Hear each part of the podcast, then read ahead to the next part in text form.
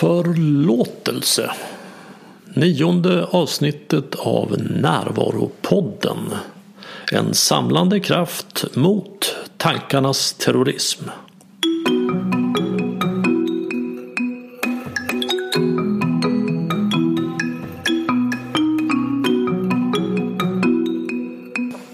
Är Bengt Renander och idag så vill jag speciellt tacka er lyssnare som hjälper till att sprida podden genom att tipsa, rekommendera vänner och dela på Facebook och i andra sammanhang.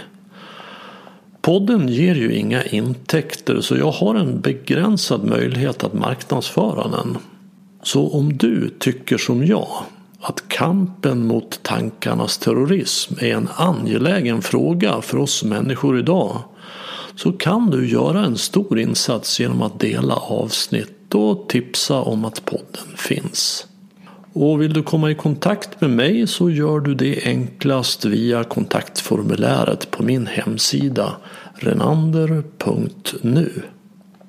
Idag träffar jag Marit Danielsson och hon är bland annat producent av Skilsmässopodden som jag för övrigt varmt rekommenderar.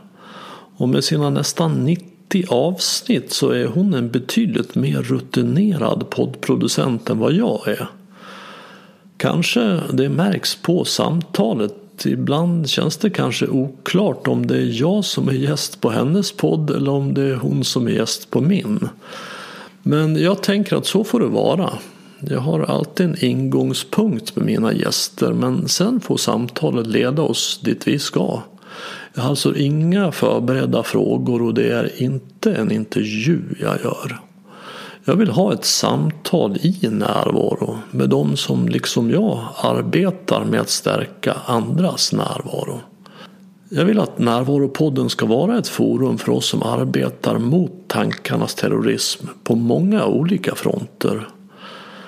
Jag tror att temat relationer är det som knyter ihop de frågor jag och Marit tar upp här. Vi fördjupar oss i förlåtelse, jämställdhet och sex och vi pratar om respekt som en väg till passion och om konsten att säga nej och att sätta tydliga och bra gränser. Här är Marit Danielsson. Ja, men välkommen hit då till Närvaropodden. Tack så mycket. Ja, jag skulle bara säga att vi har ju, är ju gamla Falukamrater. Vi var ju i samma gäng när vi ja, faktiskt. var, var tonåringar. Ja. Men som tur är så ska vi inte prata någonting om det. det vet inte du vad jag kommer att ta upp. vet du inte. Så, så vad, vem, vem är du då? Ja, vad ska man säga? Marit Danielsson heter jag. Eh, jag jag tycker att jag har så brokig bakgrund så jag vet knappt vad jag ska säga. Men jag har jobbat med tv och media och magasin i väldigt, väldigt många år. Eh, jobbat som eh, tv-chef i många år. Och eh, ja, från början är jag lärare. Jag är intresserad av väldigt, väldigt mycket. Mm. Nu har jag egen firma. Mm. Och dessutom så har jag också, jag driver också Skilsmässopodden. Okay. Tillsammans med min partner. Ja, och, och vad är det för någonting då? Jo men det är en podd som handlar om eh, separation men också om bättre relationer. För att när man är i kris som par så är det så väldigt lätt att alla, alla råd man får handlar om hur man ska göra för att hålla ihop. Men eftersom det spricker för så många så behövs det ju råd där också men det är liksom ingen riktigt som bryr sig om dem mm. som, inte, som det här inte gick vägen för. Nej. Och vi pratar mycket om det då. Okej, okay. och, och vad, vad, vad, vad, finns det för bra råd då? För att... Nej men alltså vårt fokus är ju jättemycket Jag kände ju jag har ju separerat förut och jag kände att det fanns ändå ett ganska bra sätt att göra det. Jag tycker att vi hade en bra separation. Eh, och eh, jag tycker det är så sorgligt att många liksom dras med skam och skuld och känslor av misslyckande. Eh, och jag tror att det där härrör liksom från en tid med värderingar som egentligen inte fyller någon funktion idag. Det är inte Alltså det är jätte, jättejobbigt att separera.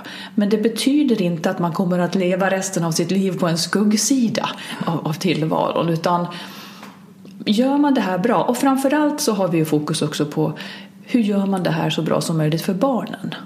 För de har ju inte ett val här, de har ju inte ett säg. Så att jag tycker att som vuxna behöver man ta ansvar. Och vi är på något vis i en kultur där det är så okej okay att att nästan se det här som om man slutar älska någon, att det skulle vara ett brott som man har rätt att straffa någon för nästan. Det är inte det. Mm. Så att vi, det är lite så här, ja hur gör man det här på ett så konstruktivt sätt som möjligt. Det gör ont, det gör det verkligen. Men man kan göra det, det finns versioner, bättre och sämre. Mm. Det låter, om jag ska anknyta till, till, till min kartbild över det inre så kan man säga att det låter som att, att, att det du gör handlar om att ta sig till den klokare platsen i ja, sig. Ja, egentligen så. Som är konstruktiv. Mm. För det finns ju en annan plats som är rädd. Ja, precis. Och vi handlar precis. från rädsla så är vi ju inte speciellt smarta. Nej, mm. Nej det är nog mycket så. Så det handlar om hur kan jag ta mig till den klokaste platsen i Precis, och just det där ordet klok. Vi, vi har också skrivit en bok och den heter Lyckligt skild. Hitta den kloka vägen före, under och efter separationen. Mm. Så det är mycket det, att liksom orka vara sitt bästa jag mm. på något sätt. Och, och, i min värld då så är mm. den här kloka platsen, det är mm. den jag är när jag är närvarande. Jag förstår. Ja, för jag skulle vilja höra mer om det där begreppet eh, just närvaro, hur du definierar det så att jag kan tänka kring det på rätt vis. Ja, alltså jag har en väldigt enkel definition mm. av närvaro. Och närvaro är förmågan att ha min uppmärksamhet i det innevarande ögonblicket. Ja, just det. Alltså mm. det är en, mm. först och främst en förmåga, det är alltså något jag övar upp. Mm. På ett, på ett sätt kan man säga att det är någonting vi alla kan. Jag visade ja. dig bilden på mitt barnbarn här. Och han är ju helt och hållet närvarande. Han är ett halvår gammal. Helt. Han är i sin stund. Ja, det ser man i ögon, mm. ögonen att han är helt och hållet närvarande. Mm. Men sen så ju äldre vi blir ju mer går vi in i tankevärlden. Mm. Börjar tänka, rädslor, begär, framtid, förflutet. Det var mm. väldigt mycket vad tankarna handlar om. Och det drar bort oss ifrån det här innevarande ögonblicket. Ja, just det.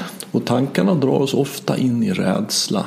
Ja. Och då tappar vi bort den här som är närvarande, mm. som har sin förmåga att vara här nu med det som händer på riktigt. Just det. Så att jag tappar bort min förmåga att vara konstruktiv här nu i verkligheten. Och landar in i en, att bli destruktiv i en mardröm istället. Ja, just det in en ovisshet eller någonting. Verkligen, och jag, jag blir mm. rädd och, och, då tappar jag bort den här kloka platsen. Den som kanske egentligen vet vad jag borde göra. Mm. Vet vad som är mm. bäst men jag, jag, jag, kan inte göra det. Nej. För jag har tappat min närvaro. Ja, nu är det ju jag som får lust att fråga saker då. får jag göra det? Det får du göra. um, hur, ja, hur menar du att man eller hur ser en närvarande människa ut då? Eller hur blir det? Du ser på ditt barnbarn en närvaro. Vad gör en närvarande människa? Menar du att det bara är hur, det, hur, det, hur stabiliteten är inuti egentligen? Vad jag är i min tankevärld? Att jag är här och nu liksom? Mm, jag är här och nu och, och då kan jag till exempel lyssna på dig. Ja, just det. För när vi mm. har ett samtal här så är det två, jag har två röster här samtidigt. Ja. Jag har en i mig som kommenterar det du säger. Mm. Och som utifrån vad mina erfarenheter och mina rädslor mm. och, och, och, jag bedömer och jag kritiserar, kategoriserar. Mm. Det. det. håller den rösten på med. Och sen finns det ju din röst som säger någonting till ja. mig. Och när jag är närvarande så, mm. så har jag en förmåga att lyssna på din röst. Ja. Och höra den där rösten mer som ja, ja, ja, det där pladdret håller på men jag bryr mig inte mycket om det. Nej, det. När jag inte är närvarande så hör jag inte din röst utan jag hör pladdret. Mm. Jag hör min mm. rädsla istället. Mm. Och jag tänker att det här i hög grad är så aktualiserat i just skilsmässor. Det är det säkert. Säg vad du ser då. Nej, men det, det aktiverar vår rädsla. Ja, alltså, vi känner oss avvisade, vi känner oss vi är beredda för hur det ska gå, att, att inte duga till. Det är massor av rädslor. Jag tror att det är en av de mest eh, smärtsamma ögonblick man kan vara med om. Det är i alla fall min erfarenhet. Ja, jag, jag har ju också ja. varit med om separationer. Ja. Och det drar verkligen igång rädslorna. Oh, ja. Så att jag tänker på att de här tipsen som du ger Ja. i din podd Ja. och utifrån din kunskap är också ti- tips som man kan använda i många andra situationer Ja, också. säkerligen. Du får försöka lirka ur mig något Ja, klokt. det är precis det jag håller på med här nu. Det är bra det. Ja. För det här är en ny infallsvinkel för mig. Det är Ja. spännande tycker jag. Ja, jag, för, jag förstår det. Eh, Och det är, det, det för den här podden heter ju Närvaropodden. Mm. Så hur gör man då för att komma till den här konstruktiva delen? Att inte bli Precis. Mm. destruktiv. För, för det är ju det som är nyckelfrågan ja, det är tänker det. jag. det är det. Absolut. Jag tänker att det handlar ganska mycket om, ja, vad ska man säga, impulskontroll på sätt och vis. För att när man separerar och känner alla de här jobbiga sakerna själv det är ju väldigt lätt hänt att man agerar ut det där mot den som har gjort den så illa. Nämligen till exempel barnens andra förälder då. Eh, så det handlar ju jättemycket om att orka härbärgera de här känslorna som man känner. Att de, ja, de måste komma ut men jag ansvarar ändå för hur de kommer ut och var. De ska inte helst komma ut inför barnen så att barnen blir oroade och börja tycka synd om mamma istället för att själva kunna hantera sin sorg. Ehm, så det är ju en sak, att verkligen ta ansvar för vem är jag nu när jag mår så här? Mm. Alltså det finns en mogen del där som har ett val. Ska jag släppa Ja. ut känslorna eller ska jag härbärgera dem? Och jag kan välja att härbärgera dem. Ja, ett tag i alla fall. Eller tills, tills jag har lugnat mig och kan framföra. Om man hela tiden har ledstjärnan, så tänker jag, om man hela tiden har ledstjärnan, vad är bäst för barnen att jag gör just nu? Då blir allting väldigt enkelt. Då är det inte bäst för barnen att jag drämmer iväg det där elaka smset för att jag är förbannad och kanske har skäl att vara förbannad. Det är bättre för barnen att föräldrarna har en bra relation, det vill säga jag ska lugna mig lite till tills jag är mer konstruktiv. Och det här, jag säger inte det här och menar att det är jättelätt. Det är svårt. Men jag menar också att på sikt blir det lättare för alla inblandade om man orkar tänka så här. För att om man bränner broar till den man då separerar från man ska ju, har man barn ska man ju fortsätta samarbeta i typ evighet. Och det är dumt att inte ha, att liksom att ha förstört för mycket. Det är något slags nästan bibliskt, jag är inte ett dugg religiöst men det blir det liksom. Orkar man vända andra kinden till när den andra har varit dum så är det bra.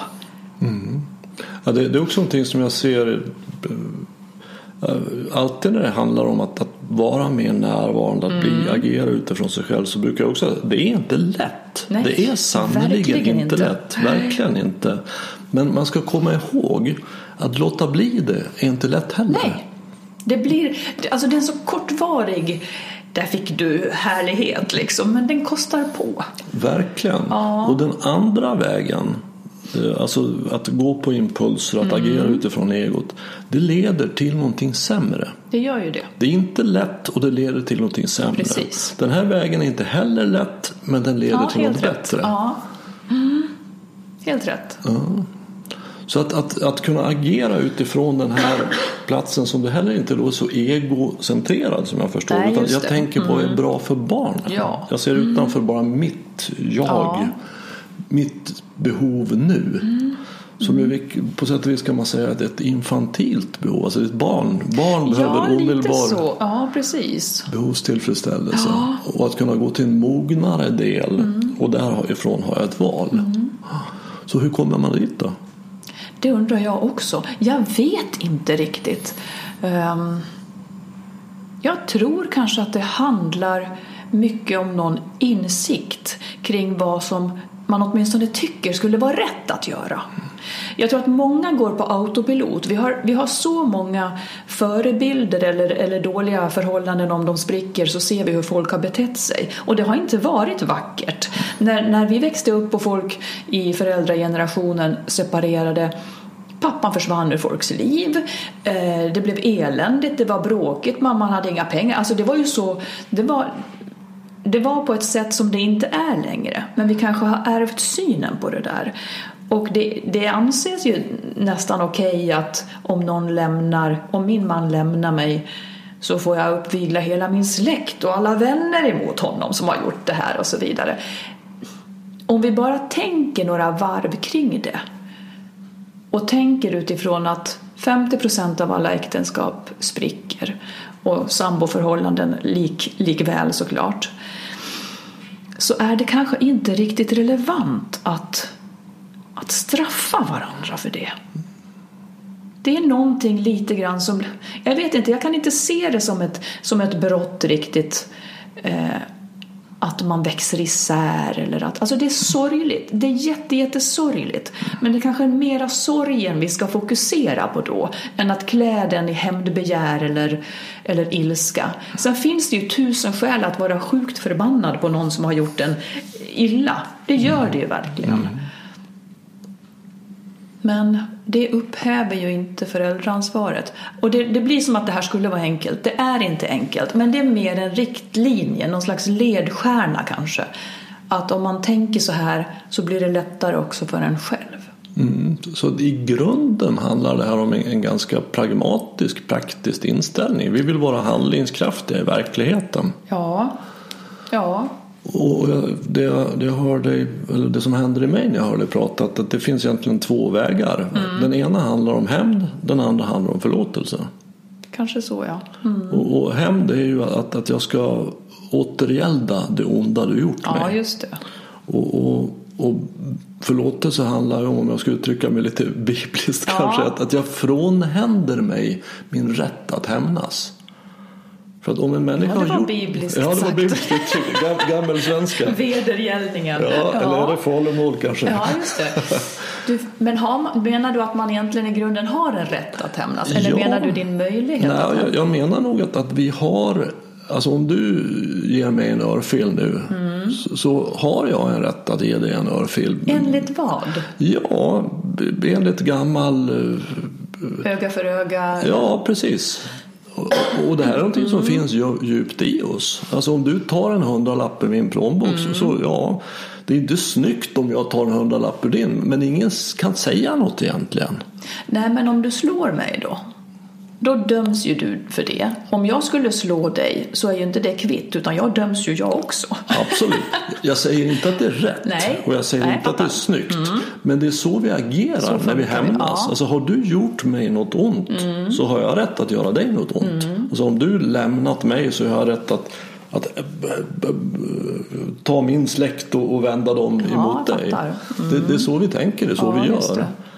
Och att förlåta innebär ju att, att jag, jag lägger bort min, ja. min möjlighet jag eller rätt att jag göra det. Jag har också börjat tänka någonting lite nytt för mig kring förlåtelse. Eh, för jag, jag börjar inbilla mig att man kan ta sig vidare utan förlåtelse. För vissa saker kan man vara tveksam till om man ens ska behöva förlåta. Mm. Varför ska man behöva förlåta allt? Mm. Men däremot så kanske det kan vara, för, för, om det är gärningar som har gjort, låt säga att någon har gjort ens barn illa liksom. Varför måste, alltså bara, bara man tar sig vidare utan att bära det med sig som någonting tungt. Jag tror att det finns ett läge strax innan förlåtelse som också funkar. Vad är förlåtelse för dig då? Ja, det är det jag kanske då inte riktigt har klart för mig. Men förlåtelse skulle ju vara att jag säger till dig då Jag förlåter dig för att du eh, vad, vad, kan du ha gjort? Jag förlåter dig för att du eh, om du skulle ha misshandlat mig till exempel. Mm. Jag förlåter dig för att du har misshandlat mig. Eh, det skulle jag kanske inte vilja säga. Nej, men vad skulle det innebära om du hade sagt det? Om jag hade sagt det, det är det jag menar. Det skulle ja. inte ha inneburit. det, skulle, det skulle fortfarande kvarstå att jag tycker att du gjorde jävligt fel. Eh, låt säga att du har gjort det många gånger. Mm. Det blir lättare då. Mm. Det här, då är det en sida, inte en enstaka händelse, utan då är det någonting som ligger i din person. Jag vill kunna uttrycka eh, att den sidan av dig tycker jag inte om. Mm. Jag förlåter inte på så vis det du har gjort mot mig. För det vore lite grann som att säga jag tycker att det var okej okay att du gjorde det. Mm. För mig ska det finnas, det måste finnas en spalt av liksom nej, det är inte, jag måste inte förlåta om jag inte vill. Ibland blir det så här om någon har varit otrogen, eh, om man nu går tillbaka till par, en har varit otrogen och så hamnar ju den andra i situationen, ska jag rädda förhållandet genom att förlåta? Liksom. Mm. Det är en ganska tung börda. Så går den andra och tjatar, ja du kunde inte förlåta mig, du kan inte förlåta mig. Eh, kan man inte så kan man inte. Mm. Jag tycker inte heller att, att det är något man kan avkräva riktigt en annan människa. Jag håller helt med dig om mycket där. Ja. För, för det första att man, man måste inte förlåta. Att förlåta är ett fritt val. Ja. Det, det, är ingenting man måste. Man kan inte kräva att någon annan ska förlåta. Och, och att förlåta handlar för mig om just det jag var inne på. Att, att, att jag ger bort min möjlighet att hämnas. Om du har varit otrogen mot mig. Mm.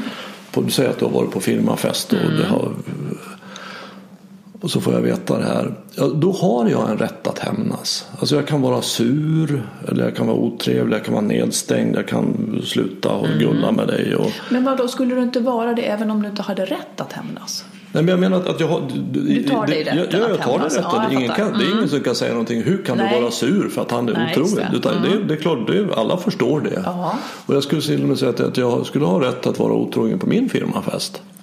Ja. För då, då, där fick då är du. Kvitt. Ja, då är vi kvitt. Mm. Mm. Och eh, om jag förlåter dig mm. för, så ger ju jag då bort min rätt att hämnas. Jag, jag kommer inte att vända det onda du har gjort mig emot dig. Nej, men kommer du att se på mig på samma vis som innan jag gjorde det här? Om jag förlåter dig så kommer jag behandla dig som att det inte har hänt.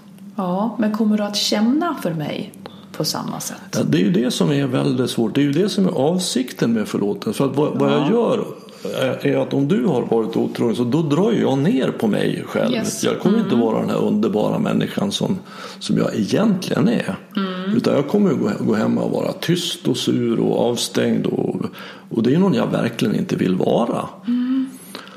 Och så när jag förlåter dig, om jag nu väljer mm. att göra det, jag måste inte. Mm.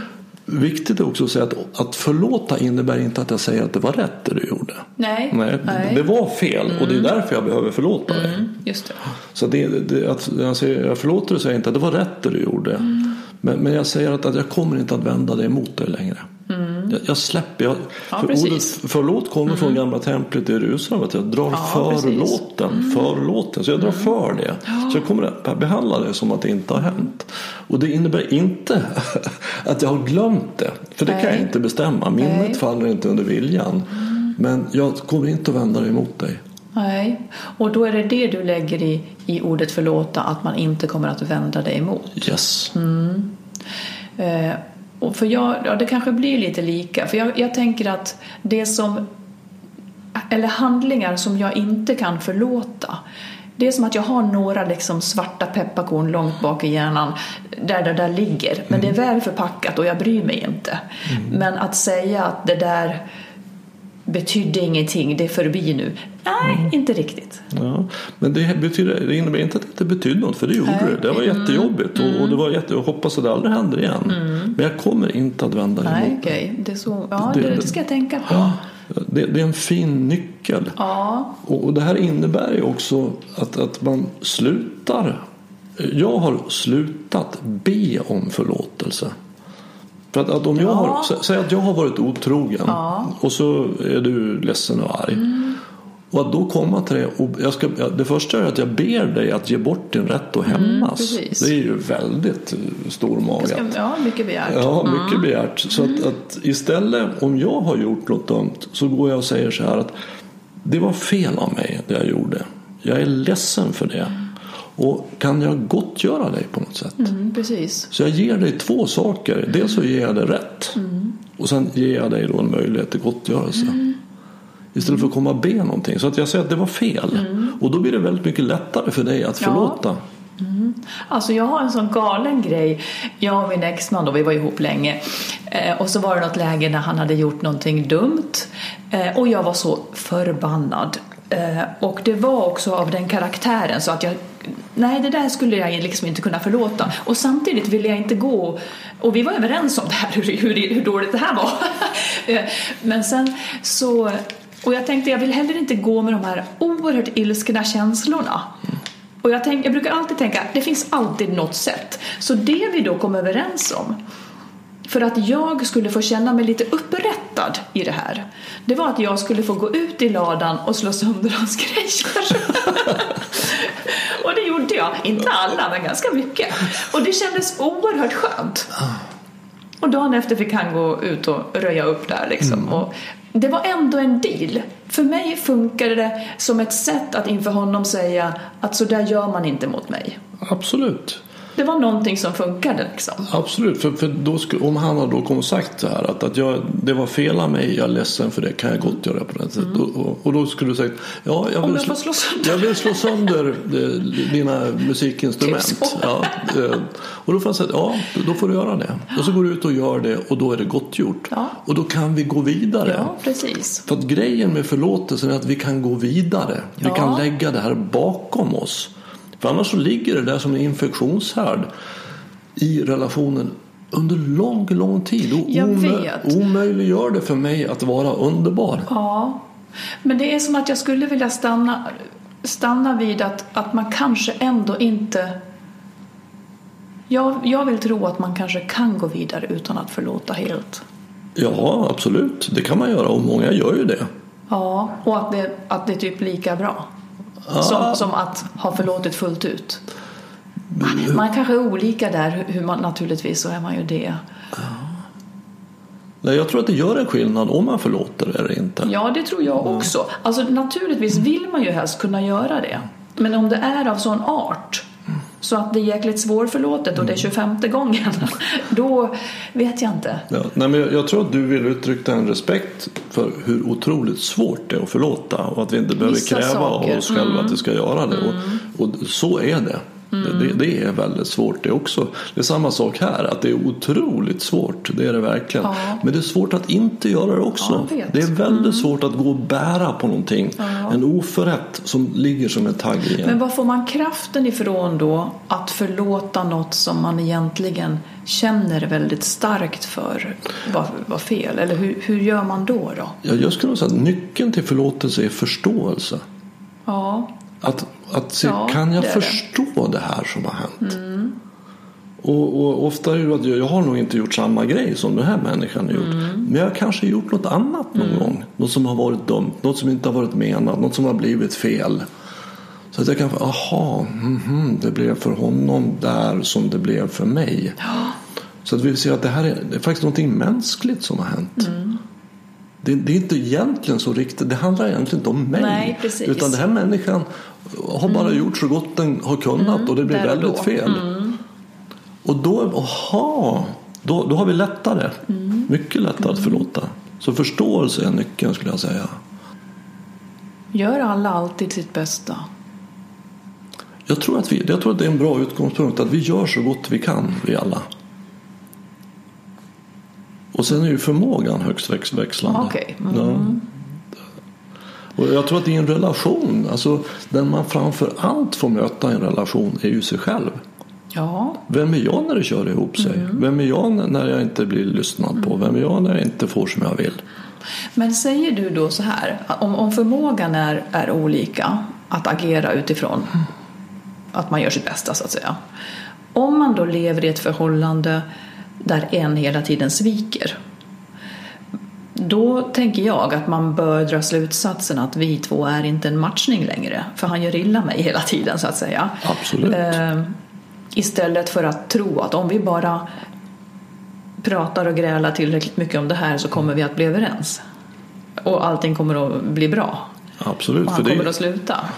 Att förlåta handlar ju inte alls om att bli gränslös. Utan man behöver sätta en gräns. Man säger att det här är inte okej för mig. Så att, att vår relation är nu över. Precis. Mm. Eh, Och, och, för att om en person säger så att, att eh, det var fel av mig det jag gjorde. Mm. Jag är ledsen för det kan jag gott göra. Och du går ut och slår sönder hans instrument. Jag Och sen, skulle aldrig slå sönder instrumenten. Men lite gammal skit kanske. Det låter så otäckt. vad, du nu slår sönder Ja, för någonting. precis. Och sen kommer han en vecka senare och säger att det var fel av mig. Då har hans trovärdighet minskat alldeles väsentligt. Ja. Ja, och tredje gången han säger det så har han ingen trovärdighet kvar. Nej. Så, så då, då är det inte då är det dags att lämna. Det, det, man behöver dra en gräns. Så långt sträcker sig inte förlåtelsen? Eller liksom, hur förhåller man sig då till förlåtelse? Ja, det där är en otroligt svår fråga. Bibeln har ju en take på det. Och, och det är att de säger så att du behöver inte förlåta bara sju gånger. Utan Sju sju, gånger. gånger, Ja, just 70 det. Mm. gånger ska man förlåta. Och Ah. det är ju fyra- 490 gånger. Ja, det är jättemycket. Jättemånga Men gånger. Det är en biblisk förlåtelse. Men, men vad de menar tror jag, och, och det håller jag med om, att, att i grunden, för att hämnd föder hämnd. Absolut. Hämnd är inte att rekommendera, Nej. det skulle jag inte säga. Nej. Men, men det är alternativet till förlåtelse. Jag ser det inte riktigt så. Nej. Om jag säger ordet eh, likgiltighet, Ja, men men du du, menar att det är en hämnd? kan du utsätta en människa för jag något värre än likgiltighet? Jag, jag trodde att du menar hämnd genom att göra samma sak. nej, nej, så inte det göra samma sak Nej. Mm. utan jag, jag hittar något annat sätt. Att jag, jag, ofta, vad vi gör är ofta att vi drar ner oss. Ja, men precis. Jag Så förstår att vi blir det. Mm. lite mindre underbara. Och så här håller vi på mycket i Man relationer. snålar lite med ja, sig själv. Mm. jag snålar lite. När du gjorde sådär, du gjorde ingen middag till mig då. Då tänker inte jag göra till dig. Nej, just det. Så drar vi, vi börjar i relationen med dimmen på hundra båda Mm. två. Det bara lyser och värmer om oss båda. Och sen puff, puff, puff, puff, Dras det ner, Ja, så dras det ner efter några år så är vi ner på 10 procent. För vi har inte förlåtit. Måste tänka. För när vi förlåter då är vi upp på 100 Då är vi uppe igen, ja. Och det är det som är nyckeln till allt menar du då? Nej, inte till allt. Nej. Men, men, men det är ju det är, en, det är nyckeln till att kunna hålla sig närvarande i en relation. Ja, Att, att vara kvar med, Ja, med hela med hela sig. Mm. Och vara kvar i kontakt med den här som är klok. Det vi Ja. pratade om tidigare. Så att jag kan agera därifrån istället för att komma ifrån rädsla. Mm. För då är jag inte riktigt klok. nej. Så det är ett bra sätt att hålla sig närvarande och, och då hålla sig kontakt.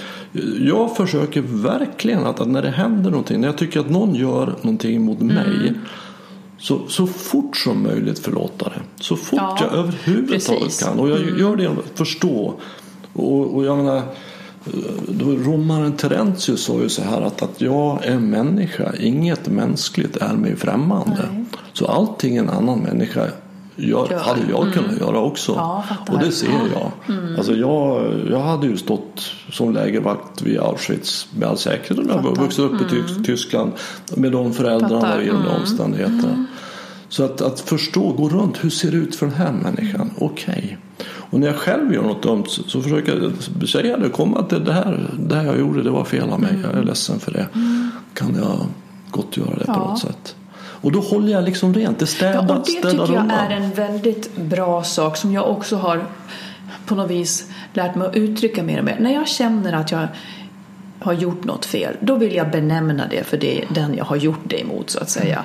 Och det blir, det blir väldigt bra. Det, det är liksom ett gott råd att göra. Det blir väldigt bra. Och man behöver inte känna att det blir jag kan säga det flera dagar senare om så här, du det där som hände, jag tycker själv efteråt att det blev dumt, förlåt jag sa fel. Alltså man kan bara fiska upp det. Det är ingen som kommer att vända dig emot den utan det, det, det är en slags rening så att det blir rent. Exakt, det tycker jag är ett väldigt bra ord. Då, då är det städat igen hemma. Ja, då kan precis. Vi, och så samlas det skräp i hörnan så får Ja, vi städa. Ja. Mm. Och det gör vi genom att erkänna våra fel och förlåta. Bra. Vad är kärlek? Det är något som jag skulle vilja Ja, prata med dig kära om. någon. Jag Ja, vet inte ens om jag är rätt att svara på det. Får jag fråga hur du skulle säga? Eh, Jag är intresserad av, det temat. Jag, har pratat om det, eller vi har pratat om det i flera Ja. poddar och tagit lite olika vinklar på det. Därför jag vill ta om det också. Jag kan säga jag har två, två, två sätt att beskriva kärlek. Det ena är mer pragmatiskt. Och det vi känner för barnen till exempel. Att jag vill deras utveckling och lycka. Jag vill att de ska ha det bra. Och jag är beredd att, att göra ganska stora umbäranden för att det ska ske. Den andra är att det är en upplevelse. Kärleken upplevs, det är någonting vi upplever, en känsla som vi upplever. Och, och det är den känsla vi får när vi är helt och hållet närvarande tillsammans. Alltså att vi möts. Man är närvarande tillsammans. Ja, man möts i nuet. Och det är någonting bortom ord. bortom intellekt. Det är något vi känner. Det är, många par som berättar att de, sätter sig ner och så tänder de ett ljus och så möts de bara i tystnad. Mm. Och, för mig är ju närvaro är kärlek i praktiken. Så att om, om jag kommer hem och, ser mina barn, jag bara går jag kan bara säga hej. Jag behöver inte ens säga hej. Bara, Mm. Då vet de, pappa älskar mig. Ja. Kommer hem till min kvinna och, och Mm. ser henne så, så vet hon. För det är så vi visar kärlek, genom att ge vår närvaro som är det vackraste vi har att ge. Mm. Ja. Så för mig är det intimt kopplat närvaro och kärlek. ja, jag måste tänka. Så du skulle säga att kärlek är närvaro? Jag skulle säga att, att närvaro är praktiserad kärlek. Det är, när- det är kärlek i praktiken. Men skulle jag inte kunna vara närvarande och ändå bortse från mina barns behov? Nej. Ja, är du närvarande med dina barn så ser du ju dina barns behov. Är du däremot inte närvarande så är det ju väldigt lätt att bortse ifrån dem. Ja, alltså rent teoretiskt så skulle jag kunna hålla med dig. Ehm, sen kan jag tänka mig att det är väldigt många människor som av olika skäl känner jätte, jättestark kärlek till till exempel sina barn men av sjukdom eller missbruk eller någonting ändå negligerar dem så att säga. Eh, Och då är det ju kärlek men den är inte funktionell. Det Men- finns ju på något vis också den varianten. Ja, för de kan inte praktisera den. Nej, just det. De, de känner, men närvaro är ju då kärlek i praktiken. Det är ett sätt att praktisera kärlek. Mm. Ja. Men de kan då av olika Du menar att anledningar. kärlek är ett givande liksom? Min upplevelse att det är någonting som finns här hela tiden runt om oss. Mm. Ja. Fast vi Så ofta. Mm. inte är i kontakt med den. Men när jag blir närvarande och vi blir närvarande här tillsammans så kommer vi att uppleva det direkt. För det finns här. Mm. Ja. jag tror att vi har det här nu. Kanske så. ja, vis. Så Ja. Mm. får man känna det så blir poff så blir det en sån kontakt och då får vi uppleva det och det är så fantastiskt. Och det är inte det att vi blir romantiskt kära Nej. Mm. i varandra. För, kär, för mig är kärlek kärlek. Ja. Vi kan uppleva med, med kassan på, på Absolut. Mm. handlar så får vi en blick eller med barn eller med en äldre person. Där helst, Mm. så känner vi ah, där fick vi mötas. Det är kärlek. Och sen finns det med partner så finns det ju en, en sexuell del Ja, också. Det finns en. Mm. attraktion som man lägger till. Och då blir det mer romantisk kärlek. Och kan vi då vara sexuella i kärlek så älskar vi ju med varandra. Ja. Mm. Jag menar hur bra kan det bli? En kvinna som lever med en man som inte är villig att dela det tråkiga i äktenskapet, nämligen hushållsarbete och sådana saker. Hon tappar ju respekten för honom, för han är ju djupt odemokratisk. Eh, alltså det är ju ett utnyttjande. En kvinna lägger ner varje vardag en timme mer på obetalt arbete än en man i snitt enligt Statistiska centralbyrån. Det där är ju någonting som Alltså jag skulle ju också tappa respekten då. Då kanske man inte är så sugen på sex. Man gillar honom inte riktigt. Nej. Nej, för att, att, att det, det handlar om ett sätt att förhålla sig som inte bara är liksom i sängen på fredagskvällen klockan tio. Precis. Utan att kunna vara i kontakt Ja. hela tiden, se varandra, hjäl- hjälpas åt. Så att, att eh, det, det är ju inte ovanligt att de där männen kommer till mig här och, och säger att, att jag och min tjej vill inte ha sex, hon verkar inte så förstår. intresserad det. Och jag frågar alltid då, ser du henne? Och då brukar de, ja vad menar du med det? Ja, det. Och då, då, då, då känner jag liksom, där har jag tråden att, dra i. För att, att en kvinna som inte känner sig sedd utan mannen känner sig utnyttjad istället. Precis. Hon, hon får ju ingen kontakt med, med, med hjärtat eller med skötet utan hon hamnar uppe i huvudet Ja. och vill hämnas. Hon vill straffa honom. Ja, visst. Absolut. Så- så det- då- Medvetet eller Här omedvetet. spikar vi igen. Ja, så att precis. Det, det här kommer inte bli något gullande eller, eller härligt eftersom du inte ser mig. Nej, men det får vi också brev om där, där det är så att hon känner sig osedd. Sen vill han ha sex för det är ungefär hon är platsen där, man har, där sexet finns. Liksom. Alltså det är ju inte särskilt kul. Det är Nej, inte... Att vara, vara en friktionsyta. Nej men precis. Ja, Det ligger Nej. väldigt långt ifrån den feminina energins Ja. sex och uppfattning om då vad som är sexuellt. annat. Hur, hur gör man för att upprätthålla passionen, attraktionen? Jag tror nog mycket att det är ändå att man måste vara sådan mot varann att den andra kan behålla respekten för en. Jag tror att det är extra viktigt för kvinnor att respektera eh, mannen. Och för att respektera honom, för mig, det är nog olika vad man, vad man då avkräver, men för mig måste det vara en god människa, en snäll människa eh, och en jämlik människa. Mm. Och sen har man tusen andra issues liksom. Men, men faller det redan där då tycker jag att det blir svårt att upprätthålla attraktionen för det andra lägger sig i vägen. Mm. Mm. Ja, det tycker jag är en fin vinkel på det, alltså respekt. Det var också det du var, inne på, på i början här. Att, att, att tänka på hur hanterar jag mitt ex så att jag blir respekterad Ja, av barnen. Mm. Barnen kan känna respekt för mig. Att det har någonting med värdighet att göra. Kanske. Och här kommer också någonting som kanske bara rör mig. Men, men då tycker jag också att när man inte blir ett så tycker jag att det är lättare att upprätthålla attraktionen. Det, det, är liksom, det går emot det här symbiotiska kärleksidealet. Det, alltså det, det är som att en gnista kan inte ens få rum att hoppa där inne i den där symbiosen. Det finns inget avstånd att överbrygga. Och det är därför ehm, jag tror till exempel att, att det är bättre för oss att vi inte bor ihop. Jag är inte bra att bo ihop med. Jag har bott ihop med män sedan jag var 16 år. Det blir hushållsarbete av alltihopa för mig. Det blir inget kul. Det är bättre att se, och jag vill också ofta vara ensam.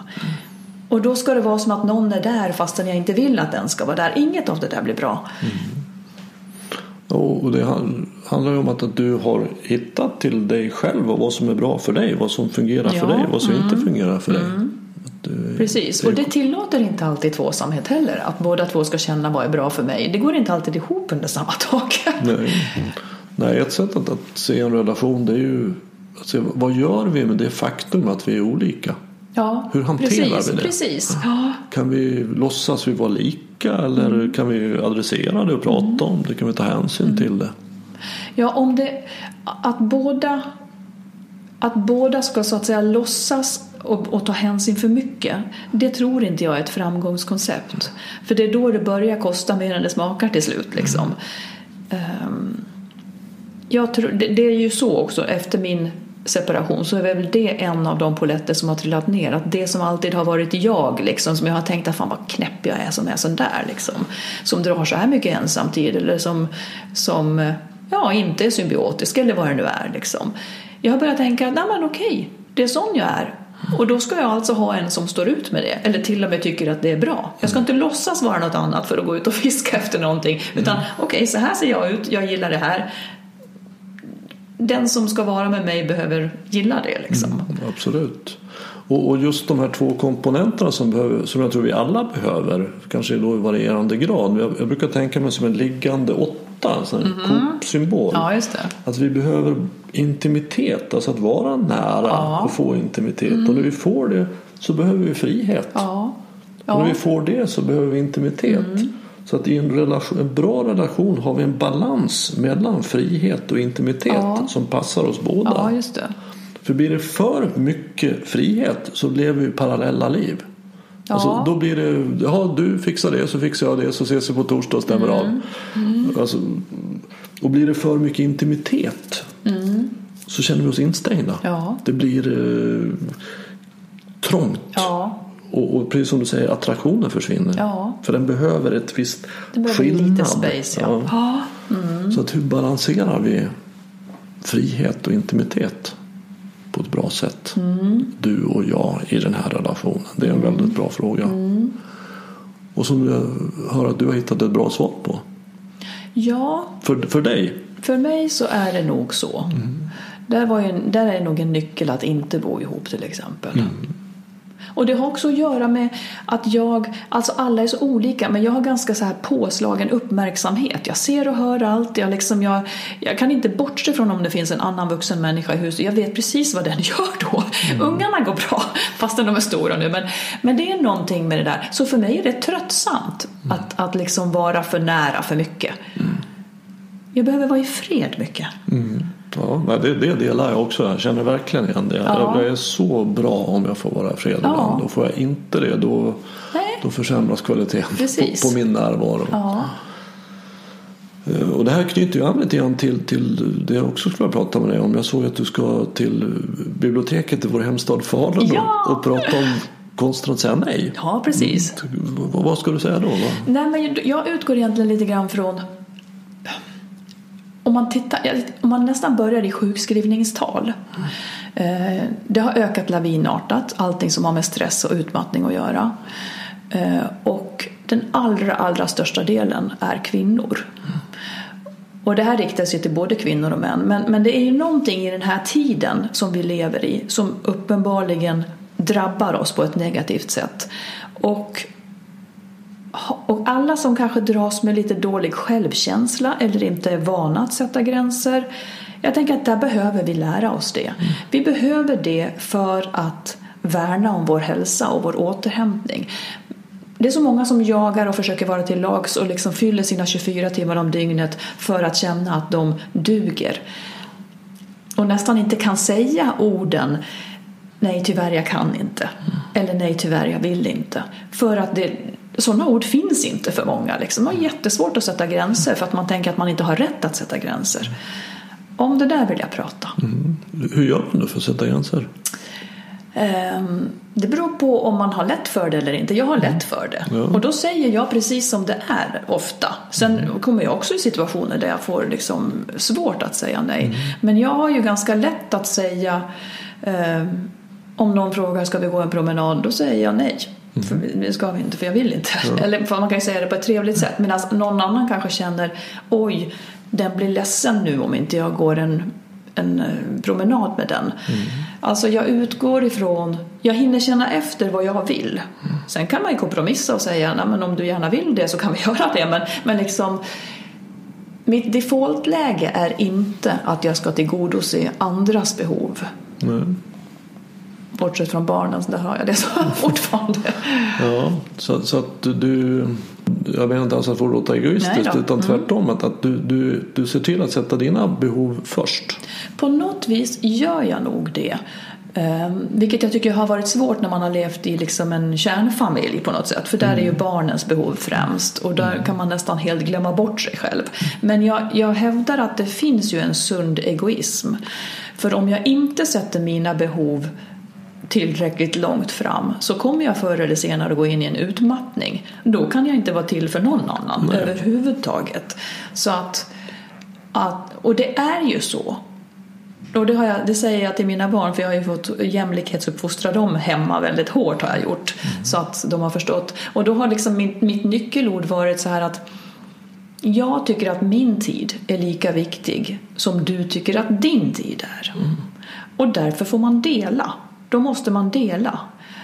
Jag säger, jag säger inte att min är viktigare än deras men för mig är den lika viktig som de tycker att deras tid är. Så att, och det tycker jag ändå är en, en grund. Men det, det är inte alla som känner det.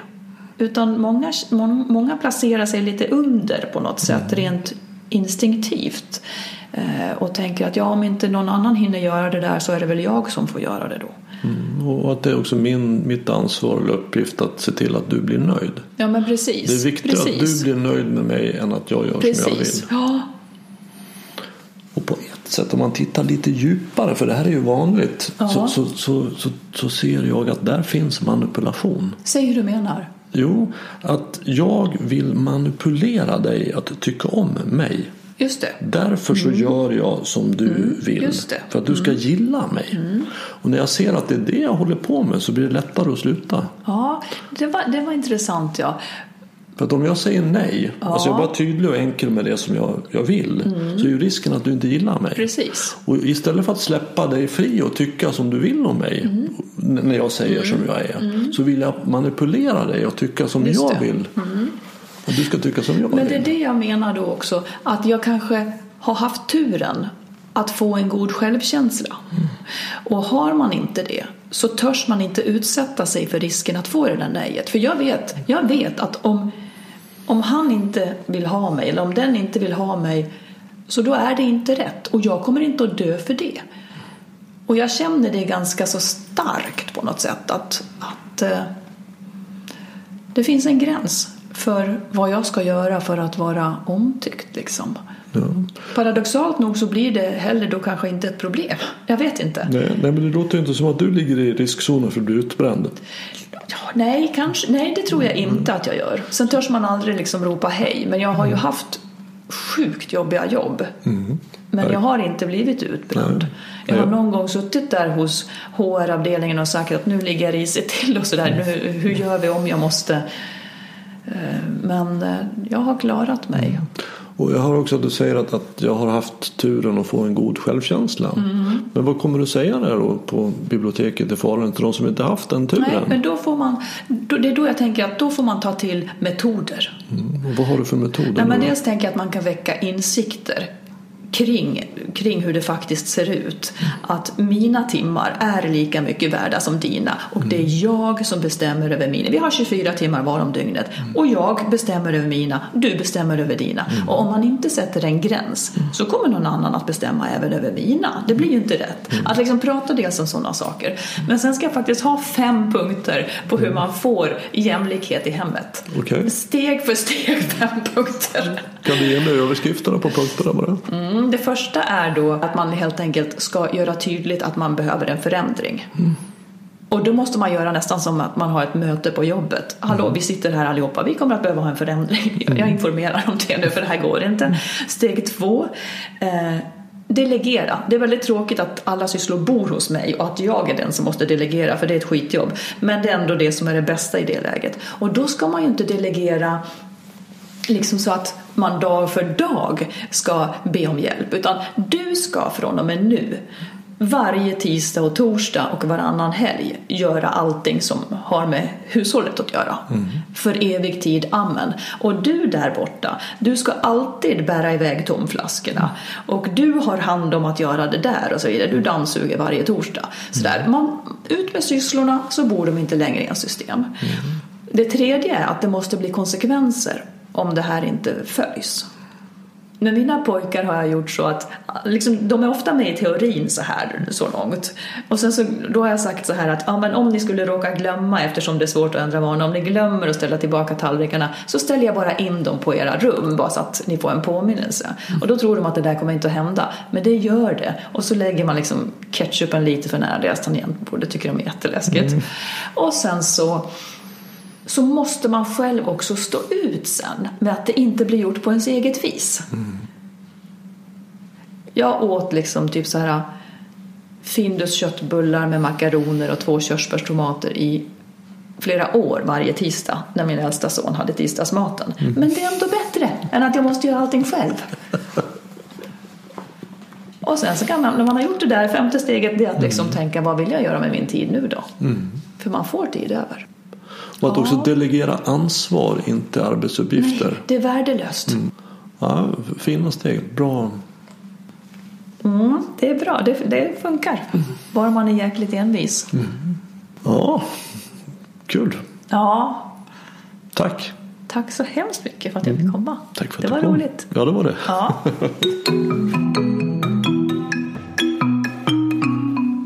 Vill du lyssna på Skilsmässopodden så hittar du en länk till den och till Marits mejladress under fliken Närvaropodden på min hemsida renander.nu. Där finns också en länk till där du kan köpa hennes bok Lyckligt skild.